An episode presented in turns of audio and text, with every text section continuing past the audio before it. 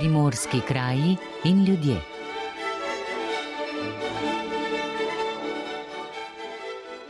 Jana Bergant, dobrodošli pri nas. Hvala lepa za povabilo. Zadnjih sedem let uh, vas najdemo v dolini reke Dragonje. Uh, predtem ste bili en čas v Kopru, uh, sicer pa vas je pot na Primorsko pripeljala iz prestolnice. Kaj vas je prepričalo, da ste Ljubljano zamenjali za slovensko istro in predvsem zakaj ravno dolina reke Dragonje? Prvo sem prišla iz Ljubljane v Koper. V bistvu je bila moja tako večletna želja, da se preselim nekam v tujino ampak potem je nekako me peljalo tako, da je bila ta tujina vedno bolj odmaknjena in potem sem nekako prišla pravzaprav v slovensko istro in bila navdušena in sem rekla, ha, mogoče bi bil pa to korak te selitve iz Ljubljane nekam ven. In dejansko sem ugotovila, da je to drug svet pa je bil eh, preskok iz mesta v naravo uh, za vas na kakršen koli način uh, težak, naporen ali ste vse spremembe, ki jih je ta selitev prinesla s seboj, pravzaprav prenesli z nasmeškom na obrazu? Se je kje kaj zapletlo? V bistvu je bilo res velik nasmešek in prav spomnim se, da sem takrat uh, rekla, to je pa nekaj najboljžga, kar sem v življenju naredila ta korak iz uh, nekega mesta nekam ven v, reka na neko podeželje, v, neko, v nek Mediteran, kjer je predvsem bilo opaziti ta velik razkorak med tem ljubljanskim džumbusom in stresom, sploh v poslovnem svetu, v to uh, umirjeno in uh, ležerno mediteransko okolje in ljudi. Morda bova z naslednjim vprašanjem oziroma odgovorom, koga pobožali, kaj vas je najbolj navdušilo ob prihodu sem? Ha, v bistvu me je najbolj navdušila dobro morje. To pač bom rekla, iz kontinenta smo najbolj navdušeni nad morjem, ko pridemo, nad tem vonjem morja. Uh, v bistvu me so me pa pritegnile te mediteranske rastline, ki nekako sicer po nekak logičnem bi seveda so prisotne, ampak ko sem jih zagledala v naravi, sem bila res, uh, me, ta, me so me nekako poklicale, no pravzaprav. Nekje v spominu ste, to sem nekje prebrala, že imeli naložene spomine, kaj pravzaprav pomeni delati v simbiozi z naravo. Razlog leži v vaši noni in to poimenovanje sem uporabila namenoma, zato ker ste otroštvo preživeli pri njej na krasu. Ja, res je, res je to. Uh... Pravzaprav sem moja nona, no, če ni več, ampak je globoko v mojem spominu in vem, da se jo tako spominjam, včasih mogoče v kakšnem obdobju, čisto vsak, vsak dan posebej, ko pač delam na nivi. Um, namreč prnoni sem delala pravzaprav vse, oziroma sem se vsega naučila, kar neka majhna kmetija pač potrebuje, od ne vem, uh, prekopavanja vrta do sekanja drv, do žaganja, grabljenja in sajenja in priprave sadik pravzaprav. Uh, je bila tudi ona kriva za to, da se niste mm, preselili sem v neko stanovanje, ampak da ste kupili zemlišče? Pa kaj jaz vem, mogoče niti ne, ampak vedno, pravzaprav vedno sem si želela imeti svoj vrt. Tako zanimivo je to, mogoče eno tako stvar je ta, da je. Uh, pri Noni sem vedno želela, pa če tudi v njenem vrtu, pač imeti del, en delček svojega vrta. Ne? In moja Nona tega nikakor ni pustila, nikoli ni bilo dovolj nekega prostorčka še za moje rastline. Uh, In to željo, to sem si vedno potem gojila in, in jo imela v sebi in v bistvu pravzaprav je ta, ta, uh, ta investicija v neko kmetijsko zemljišče pravzaprav izhajala iz tega ven. Torej ste si v starejšem obdobju izpolnili otroško željo. Točno to, ja. pa ste imeli idejo, kaj potem s tem zemljiščem početi oziroma koliko časa ste potrebovali, da ste razvili to, kar počnete sedaj? Ja, uh, je kar trajalo ene dve, dve do tri leta pravzaprav. Najprej sem si posadila zelenjavo.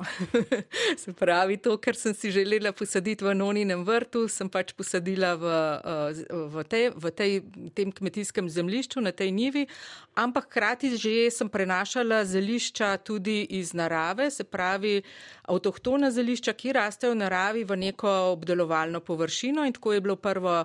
Je bil Arman, ki je rasel tam okrog tega kmetijskega zemlišča, in pa Melisa kot bom rekla, eno tako najbolj um, dragoceno eterično olje. Uh, vse skozi poudarjate uh, pomen uh, besedne zveze oziroma tudi pomen samih avtohtonih zelišč. Z njimi pravite, oživljate kulturno dediščino tega prostora. Ja, pravzaprav res je tudi to. Pravzaprav na vsako stvar, ki jo delam, gledam vedno mal širše tudi in, in pa tudi predvsem logično. Ne? Če pač te rastline rastajo tukaj okrog v slovenski istri, zakaj bi vnašali sploh neke tuje rodne rastline, s tem bom rekla, razbijamo neko naravno biodiverziteto našega okolja. Hkrati so nekatere rastline skoraj že pravzaprav tudi izumrle. In uh, zakaj ne bi bili ponosni oziroma delali na tem, da smo ponosni na to, kar raste pri nas. To so naše vrednote in vrednosti, ki jih imamo, bogatstva.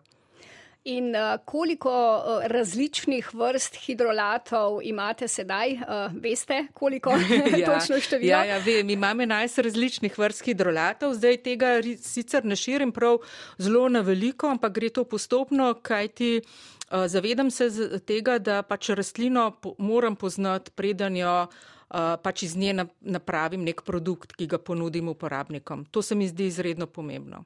In uh, kje pridobivate znanja, kje ste se izobrazili, pa predvsem ali se učenje na tem področju kdaj konča, po vašem mnenju? ja, učenje se sigurno nikoli ne konča, vedno iščem dodatna znanja. Seveda je bilo, uh, preden sem, bom rekla, profesionalno lotila se te poti, sem znanje pridobivala seveda preko interneta, ampak zelo hitro sem navezala navezala stik tudi z fakulteto za farmacijo. Tam uh, sem poslala prve produkte v analizo in vzpostavila nek oseben kontakt, kjer, v bistvu, iz katerega sem se v začetku največ učila. No. Tako da zdaj pač posegam tudi poznanja izven slovenskih meja, ampak to so nastajajo take, bom rekla, že kar tudi osebne vezi in um, tega, to, to, bom rekla, pravzaprav zelo negujem. Ali lahko morda na kratko uh, poveste, kaj pravzaprav hidrolat, ki smo ga že omenili, sploh je in kaj je recimo uh, eterično olje. Um, vem, da predvsem pri eteričnih oljih uh, obstaja res ena zelo široka paleta um, in tudi boj se bije na svetovnem spletu, katera eterična olja so in katera niso kvalitetna. Enako je pravzaprav tudi s hidrolati. Um, to sta oba produkta, hidrolat in eterično olje, sta produkta parne destilacije rastline, rastlinskega materijala. Uh, tako da jaz v bistvu vzgojim uh, samo rastlino oziroma kdaj tudi naberem v naravi in v bistvu skozi postopek parne destilacije, ki je v bistvu načeloma dokaj enostaven postopek, ampak seveda, ko se vedno poglobiš v enostavna stvar, postane vsak detalj zelo pomemben.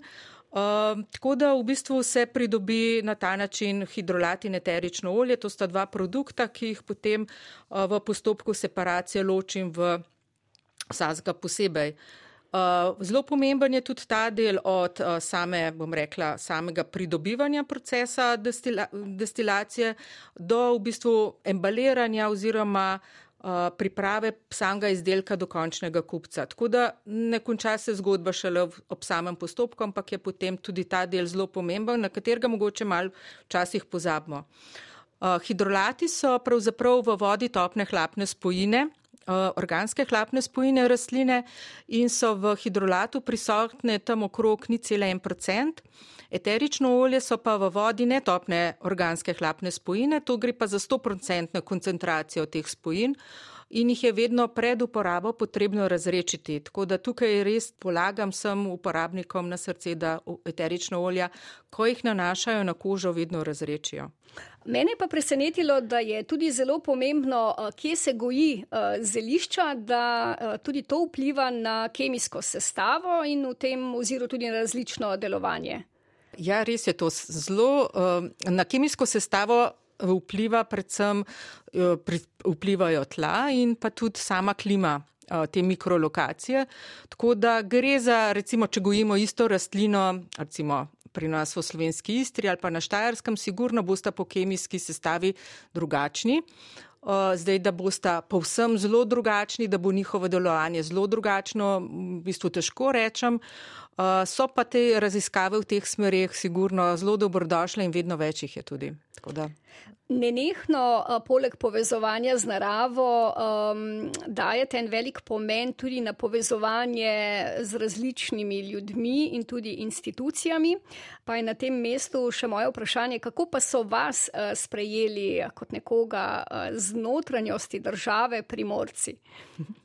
Ja, zanimivo vprašanje. Ja, vem, da obstaja ta mit tukaj na slovenski, v slovenski istri, da kontinentalci, ki pridemo tukaj na, nismo vedno dobro sprejeti oziroma, ja, razumem zakaj, ampak bom rekla, jaz sem hm, se pokazala ali pa nekako dokazala ali pa pristopila do ljudi predvsem z mojim delom. To je čist v, v dolini reke Dragonje, konkretno na Nivi, ko sem okopavala, ko sem um, rekla, frezala po domače in v bistvu dejansko preživela vse dni delovno. Eh, nekako potem dobiš neko spoštovanje teh lokalnih ljudi. Um, drugo je, ko pa se eh, povezujem z recimo tudi z univerzo na Primorskem, seveda so te osebni stiki recimo nekoliko na začetku zadržani, ampak potem, ko dejansko ti dokažeš, da neko pristnost, neko spoštovanje, neko, neko odnos, svoj odnos, seveda te potem ljudje tudi tudi tukaj sprejmejo.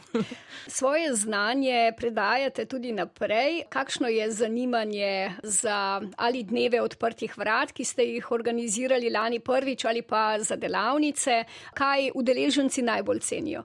Ja, na moji lokaciji v bistvu organiziram delavnice predvsem o, o destilaciji zališč. To je nekako tako pol strokovno oziroma strokovno predavanje, v bistvu lahko pridejo tudi čisto začetniki.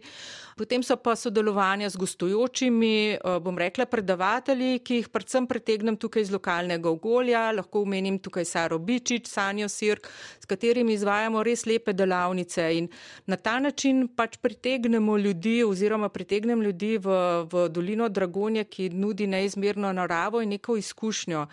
Drugo so tudi dnevi recimo odprtih vrat zeliščnih kmetij in vrtov Istre, ki sem ga lani prvič izvedla in bom v letošnjem letu ga ponovila, zaradi tega, ker je doživel en izjemen, izjemno lep odziv tako od ljudi, ki so prišli od obiskovalcev, kot tudi samih eh, kmetij, ki so se odločile za sodelovanje v tem projektu. Namreč opazila sem, da ljudje tukaj oziroma kmetije, kmetje um, nekoliko nimajo tega znanja trženja, predstavitve svoje kmetije in vedno rada pomagam na tem področju.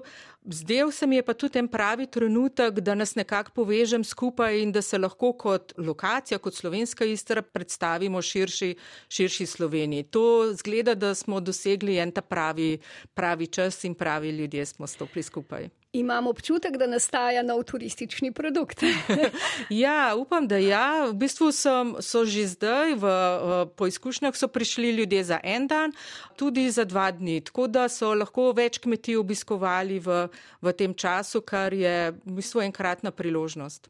Da ste res vse stranski, dokazuje tudi vaša spletna stran. Um, Sami ste jo postavili in sami skrbite za njo, torej se ne ustrašite niti tehničnih izzivov.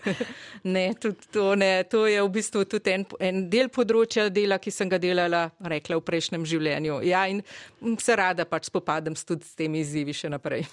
In prav z izzivi bova zaključili na en pogovor, torej kakšni so vaši načrti, želje za prihodnost, poleg že omenjenih dnevov odprtih vrat ali nameravate graditi na teh eh, sodelovanjih, povezovanjih, eh, kaj še nameravate Tako, storiti, ja. poleg tega, da greste v Gruzijo, to bi skoraj da pozabili povedati.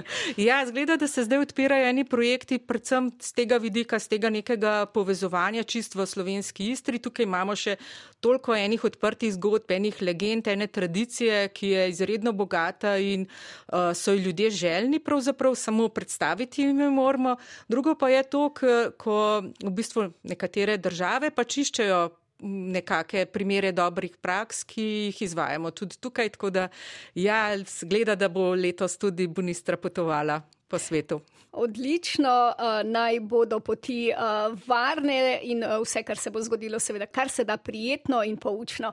Hvala za obisko v našem studiu in vse dobro. Hvala lepa za povabilo. Srečno.